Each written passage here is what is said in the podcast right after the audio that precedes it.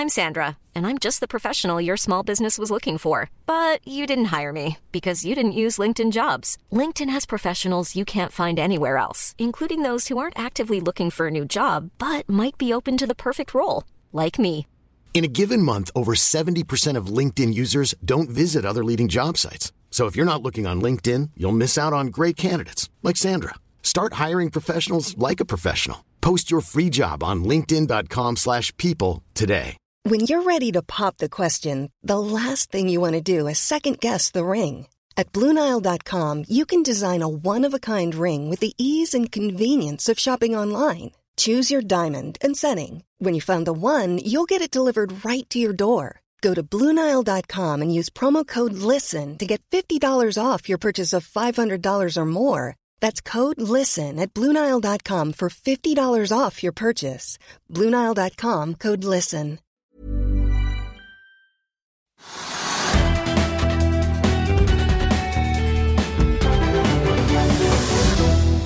Hei og velkommen til Økonominyhetene, der vi skal høre fra aksjestrateg Paul Harper i DNB Markets om hvilke aksjer de har tro på denne uken. Vi har pratet med redaksjonssjef Are Haram i Finansavisen om hva frykten for en krig mellom Russland og Ukraina betyr for oss her hjemme, og vi får en teknisk analyse av TGS. Men først en oppsummering av de viktigste hendelsene i aksjemarkedet hittil i dag. Oslo Børs begynner uken med et fall, hovedindeksen er ned rundt 1 også ute i Europa peker pilene nedover, der flere av de store børsene er ned over 3% Blant taperne finner vi PGS som faller over 12 Tidligere i dag var aksjen enda mer ned, med omtrent 20% Og også MPC Containerships og Nordic Semiconductor har markante fall, med henholdsvis 7,8 og 5,2% da vi gikk inn i studio. Og Norwegian Nell og Storbrann er også blant taperne, og det er mye rødt å se på listen over de mest omsatte selskapene. Og Nedturen den kommer da til tross for at oljeprisen stiger. Et fat brentolje brent blir nå omsatt for omtrent 93,7 dollar. Men hvorfor er stemningen så dårlig i aksjemarkedet her hjemme, tross oljepris? Nei, men Det er veldig mange grunner. da. For det første så er det den underliggende alvorlige grunnen, nemlig det at uh, inflasjonen stiger i de fleste land. Uh, over 7% i USA. Og en så rask prisøkning det tilsier normalt en ganske kraftig økning i rentene. Det er negativt for aksjemarkedet, så det er en lang historie som alle kan. Så liksom en eh, kraftig økning i rentene, rimelig dårlige utsikter for aksjemarkedet. Og man priser ikke inn da fremtidige inntekter altfor mye, ikke sant? og de fremtidige inntektene mindre verdt i dag. Det er det generelle bildet. Og så er det at uh, Oslo Børs og veldig mange andre markeder er overpriset. Det har vært høyt priset i lang tid. Jeg har kanskje sagt det ett eller to år, så, så timingen har ikke vært helt god. Men det, vært, det er veldig høyt priset. Det generelt er høyt priset. Så får man da rente på toppen av det. Det er ille nok. Det er to alvorlige grunner til at man skal være veldig forsiktig i aksjemarkedet. Og så har vi da selvfølgelig konflikten mellom Russland og Ukraina. Hvis det blir krig Nå sier de amerikanske myndigheter og sider hele tiden at det kommer blir krig hvert, hvert øyeblikk. I morgen og et par timer over i morgen osv. Men hvis det blir krig, altså hvis det blir krig, så vil det gjøre at alt blir urolig. altså Transport faller, ikke faller sammen, ikke sant? men man blir usikker på fremtiden. ikke sant? Og hvem skal gjøre hva. Og hvis, hvis det kommer masse da, sanksjoner mot Russland, så vil det bety da det at russisk økonomi blir veldig dårlig. De eksporterer veldig mye olje og gass, som da på en måte Vesten av Europa trenger. Og hvis den gass, gass- og oljeeksporten stopper opp, så er det ille. Så det er et sett av ting som på, som på en måte peker mot en veldig dårlig børs. Og de, som du var inne på, de, hoved, altså de verste børsene i Europa har vært ned 3 i dag. De amerikanske kommer til å åpne ned, tipper jeg, er ikke helt sikker. Oslo Børs er da ned 1% men 3% i snitt rundt om de store børsene i Europa. Det er veldig mye, det er veldig alvorlig. Og Da er situasjonen den at du kan si at det var høyt priset før. Det er ikke bra at rentene stiger, og så får man da krigsrisiko. Det gjør at man burde jo ikke være i aksjemarkedet i det hele tatt akkurat nå. Men eh, hvis man skal se rent egoistisk på det, da, for oss i Norge, så er jo dette med at Russland, som står for hva det er, 40 av uh, olje- og gasseksport, eller gasseksport, eh, hvis de eh, er i krig og da eh, ikke eksporterer så mye, så må det være bra for oss, da? Ja, altså Norge, AS Norge gjør det veldig godt når oljeprisen er høy og gassprisen er høy. og derfor, altså AS Norge tjener mye mer penger enn noe vi innrømmer etter landet, for det kan liksom forandre seg så fort. og Oljeprisen kan falle igjen. Men på 94 dollar per fat så tjener Norge veldig mye penger, og oljeinntektene i statsbudsjettet er omtrent det dobbelte hvis det varer hele året. Det gjør det sikkert ikke. Hvis det varer hele året, så er det dobbelte hva som er budsjettet. Så det er, AS Norge vinner nesten uansett. Men hvis bare si hvis, og hvis det er klart at hvis gasseksport eller oljeeksport fra Russland faller bort, og norsk gass blir enda mer attraktiv for kjøpere i USA eller Europa, eller hvor det måtte være, eller oljen blir enda mer attraktiv, så vil vi tjene enda mer penger.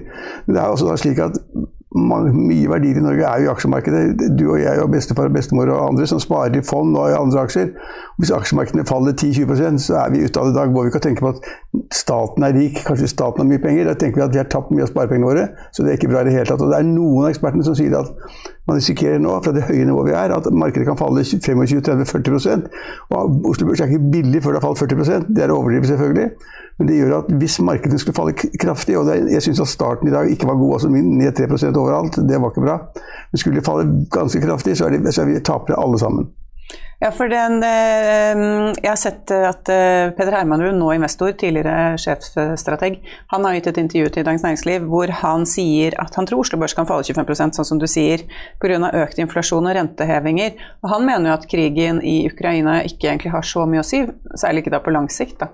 Nei, altså, altså, hva kriger har å si, jeg er ikke sikker på. Men det er, det er klart at på, på, lang sikt, altså over en sånn mellomlang periode så Hvis det skjer et eller annet, altså hvis Russland skulle ta et stykke av, av Ukraina, da, som de har gjort før, og annektert en viss del, og, og, så står man der, så er det ille. og Det kommer til å skje masse uro på, i markedene. Uro er ikke bra, og så faller markedene. Men så, så kommer man over det igjen. ikke sant? Så sier Russland ja, vi skal snakke sammen, vi skal ha diplomati, vi skal liksom finne på et eller annet da vil kanskje effekten av en krig, eller en såkalt krig, nesten krig, det vil vare kanskje da noen måneder, men ikke ti år, ikke fem år.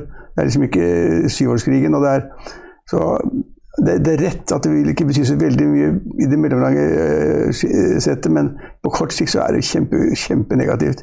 Og det er kjempenegativt for Norge også, fordi at vi, vi, vi, bæres nå mens de andre faller 3% så faller Norge 1% Det er fordi oljeprisen er høy. ikke sant? Alle ser at vi er rike. Pengene renner inn. Staten kan gjøre hva den vil. Den kan støtte hvem den vil og gjøre hva den vil. Vi har, et trygdebudsjett som ikke ligner grisen. ikke sant? Vi er, vi er en velferdsstat. Alle ser det og tenker at Norge de er jaggu heldige. Eh, men skulle oljeprisen falle, så faller liksom litt av der, litt av støtten bort. da.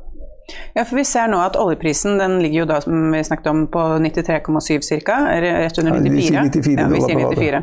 Ja. Eh, og Sist topp det var i oktober 2018, og da var den på 86. Og, altså, og På da de siste fem årene så har det ikke vært noe høyere pris enn det vi ser i dag. Nei, det er veldig høy oljepris. Ja, Men eh, den kan jo ikke holde seg så høy hvis det blir en eh, løsning på denne konflikten? Nei, men det er en ting som er ganske viktig med oljemarkedet, som ikke kommer godt nok frem. og det er det at markedet nå er veldig stramt. Så vi ser bort fra krigen. Glem Ukraina, glem Russland.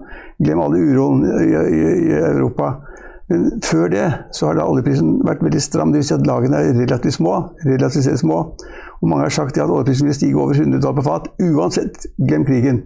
Og det er klart, Når markedet er såpass stramt da, at man sier at den minste lille uro, den minste lille snakk om oljeprisen, om at det er for lite olje, man får ikke nok frem, eller at det stopper opp av en eller annen grunn, eller det er noen små andre uh, uklarheter i andre land eller ja, Det er mange ting som kan forstyrre oljemarkedet. og Når det er veldig stramt i utgangspunktet, og så får du en krigstrussel på toppen av det, det betyr at oljeprisen da, hvis det blir en konflikt, hvis altså disse tanksene står mot hverandre, hvis Russland liksom går inn i Ukraina og tar en bit og går mot Kiev og avsetter en sittende regjering og setter inn sine egne puppets osv., da er oljeprisen i 100 dollar per fat på én dag. Og Det er klart, det er også veldig mye, og det er veldig bra for AS Norge, men det vil ikke være bra for verden. og da, Den vil falle tilbake igjen når roen kommer. Men altså var det siste, nå er det siste ryktene før jeg gikk i studio, var det at nå skulle Russland være villig til å se på diplomatiske løsninger. Det er det man har holdt på med i uker og måneder, og det er til å le seg i sant? og Lavrov, utenriksministeren, har sagt at vi skal se på, se på diplomatiske løsninger. Det har han sagt hele tiden. og Forrige gang han hadde møte med noen representanter for Ukraina og andre, så sa han at motparten er døv, de hører ikke hva jeg sier. Altså, så han sier at det kan være, kan være, en mulig diplomatisk vei ut. Kanskje er det det. Og da den meldingen kom på de internasjonale nyhetstjenestene, så, så, så, gikk jo oljeprisen da Nei, da gikk jo alle altså Fallet ble litt utlignet. Det var litt mindre fall umiddelbart på alle børsene. Så mye kan også et par ord fra Lavrov være til å liksom gjøre all situasjonen litt bedre. Men i kveld kan det være helt annerledes. I morgen kan de, i morgen kan de angripe Ukraina. Men hvis vi ser på i april 2020, da oljeprisen var på sitt laveste på rundt 20 dollar fatet, det var ingen som trodde dette her da? Nei, men, nei, men det er jo ingen som kunne tro at det skulle bli krig i Europa nei. heller. Da. Det er bare helt sjukt. ikke sant? Så det kan man ikke, Du kan ikke legge inn i budsjettene og prognosene dine som aksjeeier. I hvert fall, alltid, at en krig mellom Russland det er rett, det er rett utenfor her. ikke sant? Det kan man nesten ikke forestille seg. Så det er et veldig usikkerhetsmoment. Og det kommer til å vare i lang tid, for de europeiske landene, statslederen, vil ikke akseptere det at at eh, Putin og Russland gjør hva de vil hele tiden. Så de, alt blir strammet til, og sanksjoner kommer, og man snakker ikke sammen. og Alt blir dårligere. Og kanskje da for eksempel, Man kan jo tenke seg at Russland da, hvis det blir masse uro og masse diskusjoner og krangler, så, så stopper de da en del av oljeporten og gasseksporten. Da har vi krise på forsyningssiden i Europa. Da vil da de strømprisene vi har nå, de er, det er bare blåbær mot det de da får. Uh, og, så det, det, er så mye usikkerhet, så mye, det, er mye, det, er er, er mye grums nå. Så Herman han sier at markedet kan falle 40 det er å overdrive. Men han sier at hvis det faller 40 da er det billig. Alt mellom 25 og 40, det, liksom, det, det bør det falle. Vi er jo ikke der i det hele tatt, men jeg synes at og, og Norge skal være kjempeglad for at vi har den høye oljeprisen. Men den kan altså falle tilbake til 80 dollar hvis alt roer seg på en gang. Men tror du at det roer seg i Europa med Russland og Ukraina over natten? Nei. Niks. Nei. Men, men, tror du som Herman Rud at børsen skal kraftig ned? Nei, jeg, jeg, jeg, mener børsen skal ned, men jeg har ment et år. Så for at jeg mente at den var priset etter det tradisjonelle begrepet pris bo, pris earnings, pris cashflow. Hvordan du enn regner, så har det vært dyrt. Uansett hvordan det har vært dyrt. Men så, det som har vist seg som har vært det veldig positive, og det har vi kanskje også brukt for liten tid på, er at inntjening i selskapene har økt kraftig i, i, i 2021, og særlig i, i fjerde kvartal 2021. Og mange sier at, at inntjening i selskapene, det store gross av selskaper, er noen som taper, ikke sant? noen vinner, noen taper. Det store gross av selskaper vil ha en veldig sterk inntjening også i første halvår 2022. Kongsberg kom med nye toppresultater forleden. ikke sant? Det kommer stadig nye.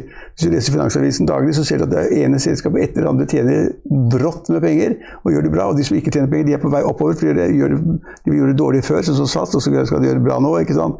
Det, det er så mange selskaper Unnskyld, det er så mange selskaper på Oslo Børs som gjør det bra nå. Og det er klart at Hvis inntjeningen øker kraftig, så kan de prises, prises høyere også. Ja, for det har vært litt sånn at Man har snakket om høy prising, men så overrasker jo hele tiden selskapene på oppsiden av det man forventer. Altså, ja, de tjener mer enn vi trodde. Altså, I snitt av selskapene tjener mye mer, tjente mye mer i 2021 enn kanskje de fleste regnet med hadde i regnearkene sine. Og så fortsetter det kanskje inn i 2022, men det fortsetter jo ikke hvis det blir krig. Og krig i Ukraina det er rett bak, rett bak hjørnet her. Men hvis vi ser på en aksje som jeg, eh, så, altså, som jeg bare la merke til, det er jo Norwegian. Vi har snakket veldig mye om Norwegian eh, i løpet av de siste årene. Men eh, den er jo ned.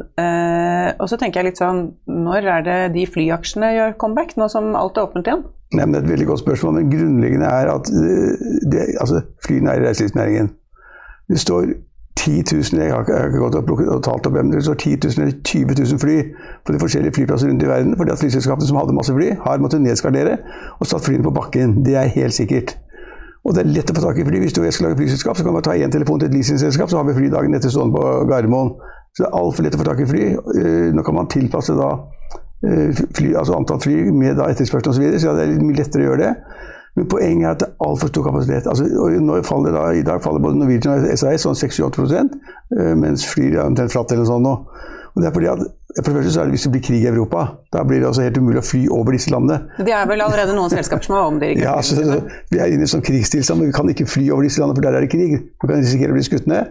Det kan man ikke gjøre. Og, altså, men grunnleggende er det at vi har fått et nytt selskap flyr. Det er veldig bra at folk gidder å tørre satse. Egne sparepenger.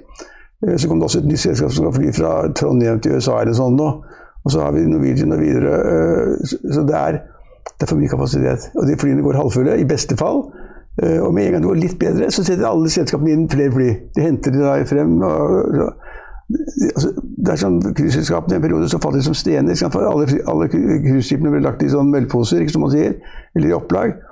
Og så må man vente til etterspørselen tar seg opp. Og da kan det gå bra. Men det er lettere for cruiseselskapene, for de kommer tilbake til der de var.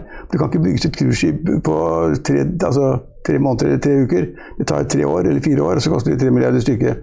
Men fly, fly, kan du få overalt, eller sette inn kapasiteten. Derfor er det en, en kontinuerlig overheng på tilbudssiden når det gjelder fly. Og da kan du heller ikke da, og Hvis alle konkurrentene skaffer seg fly hele tiden og setter inn nye fly, så får du ikke da belegget opp, og du får heller ikke prisene opp. Men samtidig, hvis man ser på For nå har jeg selvfølgelig begynt å tenke på sommerferie. Jeg å tenke på sommer. Du må fortere kjøpe billetter til 300 kroner med en gang. Ja, fordi det er jo I løpet av én uke så gikk uh, våre flybilletter opp 4000 kroner i pris. Så det er jo da tydeligvis eh, Det er jo ikke fullt uh, altså, ja, men Flyselskapene priser dynamisk, de følger hele tiden med. Hvis det er antydning til litt bedre etterspørsel, så setter de opp prisene. Hvis de går litt ned, så setter de ned for å få, liksom, få sin, sin, markedsandel og for å, for å få trafikk i det hele tatt. Ja.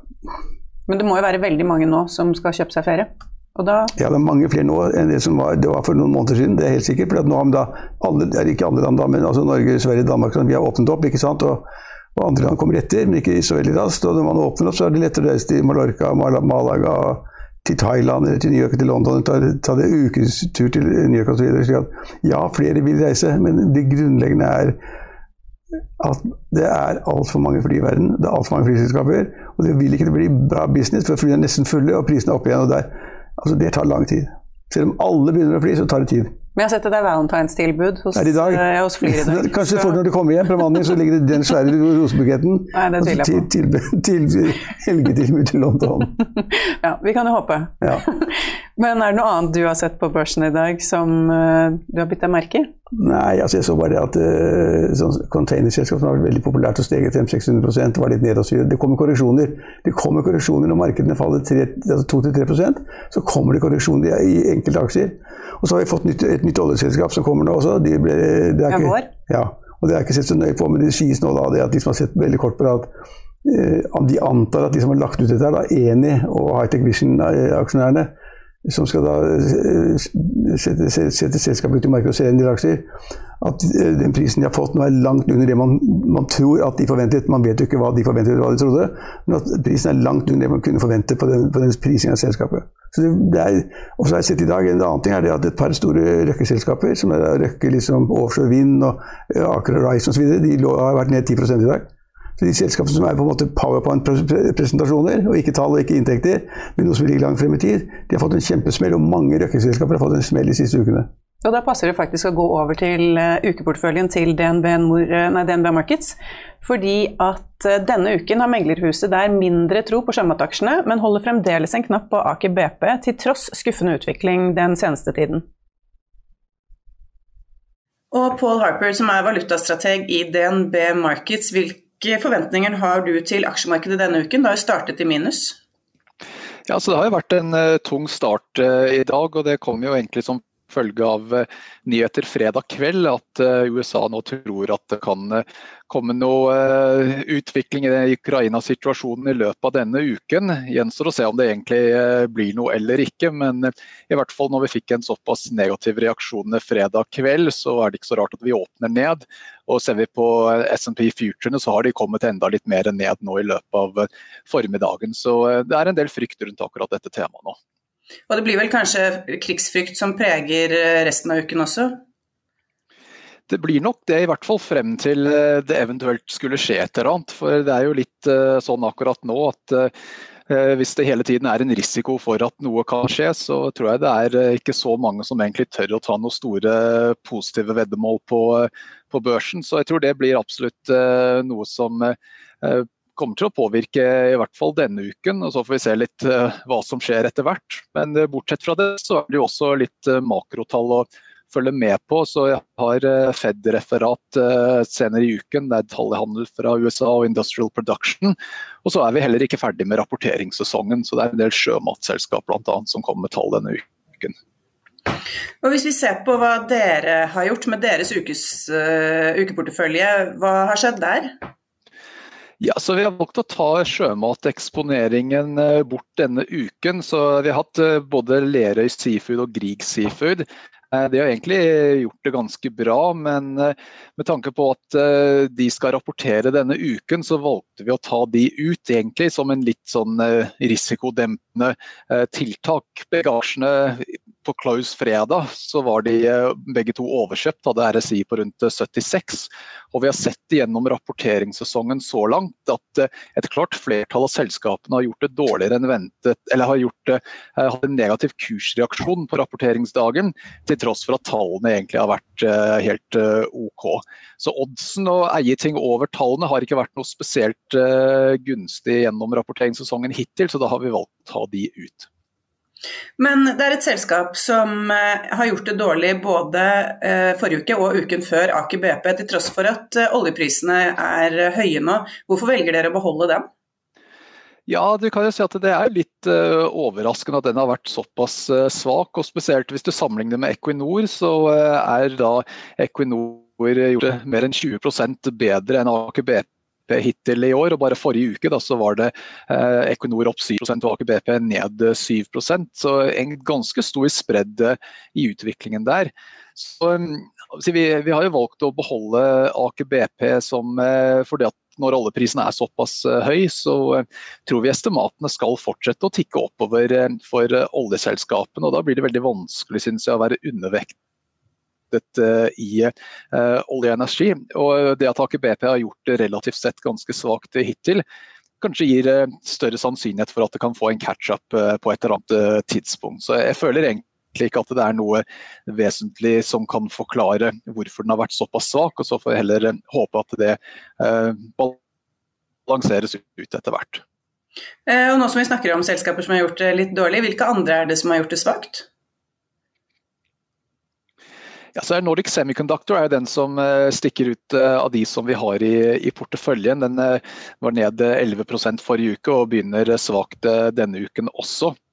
Ehm, når det er sagt, så har vi egentlig bevisst prøvd å ha mest mulig vekt i porteføljen på verdiaksjer. Så Nordic Semi er liksom den eh, veksthedgen som vi har i porteføljen. Så, så, tanken har egentlig vært hele tiden å, å, være overvektet i eh, verdiaksjer, altså aksjer med lavere enn gjennomsnitt eh, eh prisingsmultiple, sånn som PE f.eks. Og da i tilfelle vi tar feil på, på, den vurderingen, så er det greit å da ha noe innenfor eh, vekst. og Da har vi valgt eh, Nordic Semi fordi at de har rapportert gode tall. Estimatene har blitt justert opp ganske kraftig siden eh, selskapet rapporterte. Da har jo kursen ikke gjort det noe spesielt bra, men sammenligner man det med andre vekstselskap, så er det egentlig ikke så, så gærent. Så, sånn sett så har ikke den eh, vært et så negativt bidrag når man tenker på det i forhold til den eksponeringen vi har stort sett. Er litt undervekt eh, i vekstaksjer, og den vekstaksjen vi har har gjort det litt bedre enn gjennomsnittet av vekstaksjer. Så til tross for at den er uh, dårligere enn porteføljen, så, så, er det egentlig der mest av en hedging-hensyn enn uh, noe annet. I forrige uke så tok dere inn Valenius Wilhelmsen. Hvordan har det gått med den? Ja, så Der hadde vi litt uh, stang inn, kan du si, men den var opp nesten 30% for uken. Så det var veldig bra tall. og den fort å stige i dagene etter rapportene også.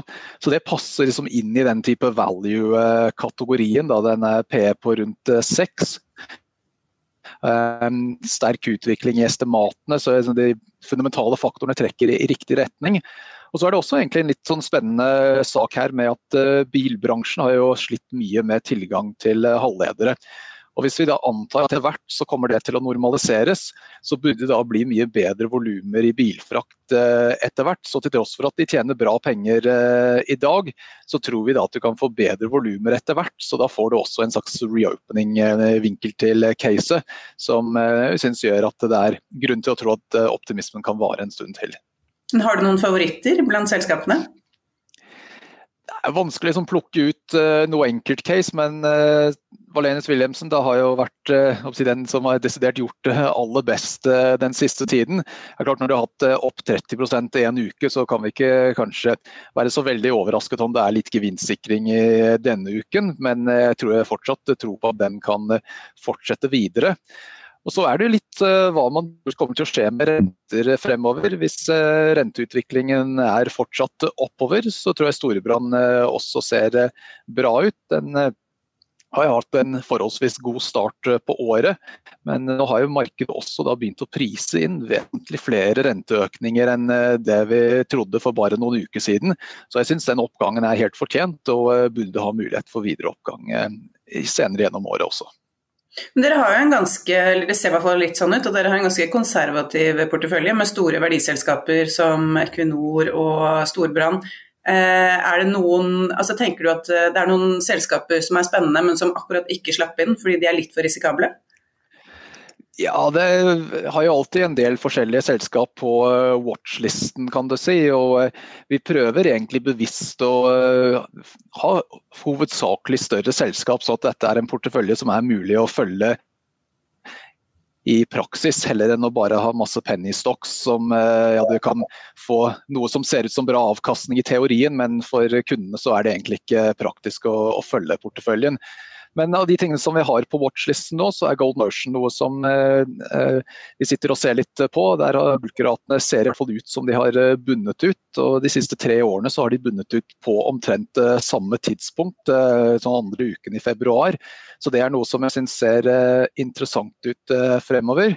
En annen som er litt i den mindre enden av skalaen som vi har vurdert litt, men egentlig syns at det var litt for lite til å være lett eh, for kundene å handle, er eh, NRC, som da hadde bra tall forrige eh, kvartal. og Der har du en voldsom marginforbedringspotensial. De har jo skuffet en del tidligere, men hvis de klarer å, å begynne å levere jevnt over flere kvartaler, så er det veldig stor vekstpotensial der. Så, så, det er jo også noe som eh, liksom har vurdert, men eh, syns det var litt, litt vanskelig egentlig eh, i forhold til likviditeten eh, for, eh, for kundene. Så da har ikke den nådd helt opp, den heller. Hvis du skal se på markedet generelt og prisingen, så er det jo på vei opp etter å ha nådd eh, Det ser i hvert fall ut som det var en foreløpig bunn mot slutten av januar. Når er det man kan si at det begynner å bli dyrt igjen? Ja, det, det, kommer jo litt an på hva man ser på. for uh, Ser man på prisbok, så har det jo vært dyrt uh, hele veien. Det, det, har ikke vært egentlig noe billig på, på, det. Og Ser man på PE, så er jo det også egentlig litt misvisende. For det er ikke noe inntjeningsvekst uh, til neste år. Så hvis man ser på 12 måneder forward PE, som er stort sett det folk ser på, så har det falt ganske kraftig nå det siste året. Men to år forward PE er ganske nøyaktig det samme som 12 måneder forward PE. så markedet markedet er jo egentlig kanskje 10-12% dyrere enn det ser ut. fordi at Normalt sett så har du vekst eh, år etter år, så eh, jeg ville påstå at markedet er ikke billig eh, nå. Det er mindre dyrt enn det var, men jeg tror det ville heller kategorisere det som mindre dyrt enn direkte billig. Da får vi se hvordan DNBs favorittaksjer gjør det denne uken. Takk for praten. Hiring for your small business? If you're not looking for professionals on LinkedIn, you're looking in the wrong place. That's like looking for your car keys in a fish tank. LinkedIn helps you hire professionals you can't find anywhere else, even those who aren't actively searching for a new job but might be open to the perfect role. In a given month, over 70% of LinkedIn users don't even visit other leading job sites. So start looking in the right place. With LinkedIn, you can hire professionals like a professional. Post your free job on linkedin.com slash people today. I'll see you in court.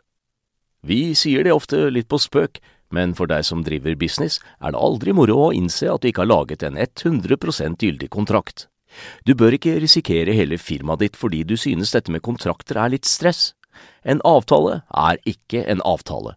Du kan miste kunder, miste venner, ja, til og med miste inntekter om du ikke lager en skikkelig kontrakt, på alt mulig, egentlig. Men vi vet det er et styr, kopimaskiner, tregprinter og haugevis av papir. Dessuten stoler vi jo på folk her i landet.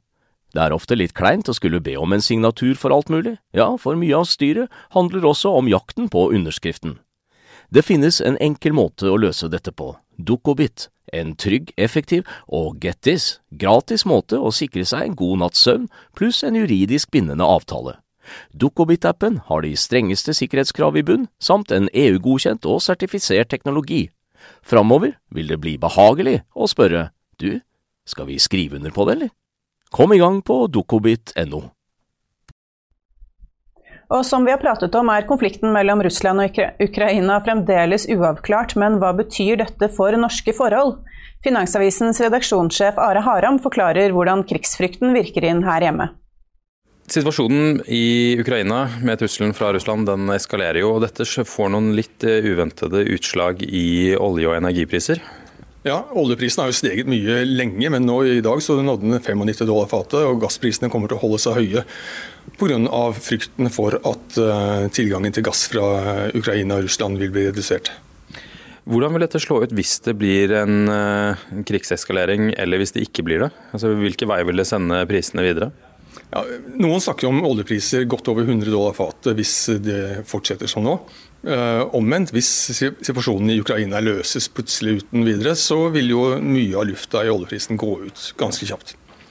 Uh, litt morbid, Dette slår jo da positivt ut for den norske økonomien, med andre ord? Ja, Vi er uh, i denne sammenheng en slags krigsprofitører. Vi har fått en oljepris på 850 kroner fatet nå. og det er 52% høyere enn det statsbudsjettet ble lagt opp eh, på grunnlag av. Så for statskassa så betyr dette 150 milliarder eh, ekstra i år hvis prisene holder seg. Og så kommer litt ekstra pga. høye gasspriser. Eh, hvordan kan man vente at oljeprisen vil utvikle seg? La oss si at det blir et, eh, en, en krigseskalering. Vil oljeprisen vedvare å holde seg høy da? Det er milliondollarspørsmålet. Eh, tilgangen til mye av energien vil bli rammet hvis det blir en krigssituasjon. Jeg tror vi må se på hele råvaresituasjonen som, som under ett her. Ukraina er en av, en av verdens største hveteprodusenter, så hveteprisen har gått opp. Gull har gått opp nå fordi at folk ønsker noe trygt. Olje går opp fordi det kan bli vanskelig å få tilgang til det. Men en vedvarende og stor krig kan jo slå alle veier ut. Det kan jo også redusere etterspørselen. Vi kommer jo da ut av en pandemi som allerede har lagt ganske skal la si det, spesielt trykk på verdensøkonomien i tilbuds- og etterspørselssituasjoner. Eh, dette vil jo bare eskalere det ytterligere, da, med andre ord. Ja, veldig mange land vil jo så klart blø hvis oljeprisen stiger videre og, og holder seg høy. Uh, Norge er jo ikke helt typisk i så, så sammenheng, men uh, i, den, i det korte løpet så vil i hvert fall staten tjene ganske godt på dette, og oljeselskapene vil tjene veldig godt på dette. Og til slutt, Hvordan vil dette slå ut på strømprisen, tror du? Uh, dyrere gass betyr dyrere strøm. Alt annet like. jeg lurer på om vi har sett tendenser til at strømmarkedet har roet seg litt den siste tiden, men det kan jo snu. Før vi går videre i sendingen, husk at du også kan se sendingene våre ved å gå inn på fano-tv, og at vi også har andre podkaster enn bare Økonominyhetene, som Morgenkaffen, Gründerpodkasten Veien hit, Ukens vintips, Kunstpraten og bilpodkasten Mil etter mil. De finner du ved å søke Finansavisen, der du hører på podkast. Og det var det vi hadde i dag. Takk for at du fulgte oss så langt. Vi er tilbake i morgen klokken halv tre. Vi ses da. Ha det bra!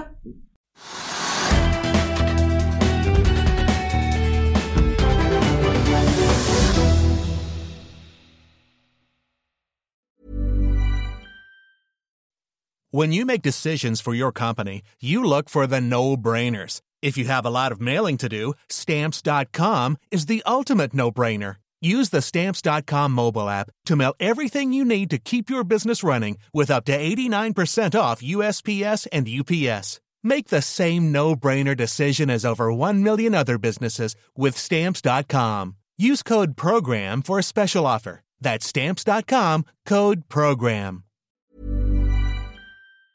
Økonominyhetene er en podkast fra Finansavisen. Programledere er Marius Lorentzen, Stein Ove Haugen og Benedikte Storm Bamvik.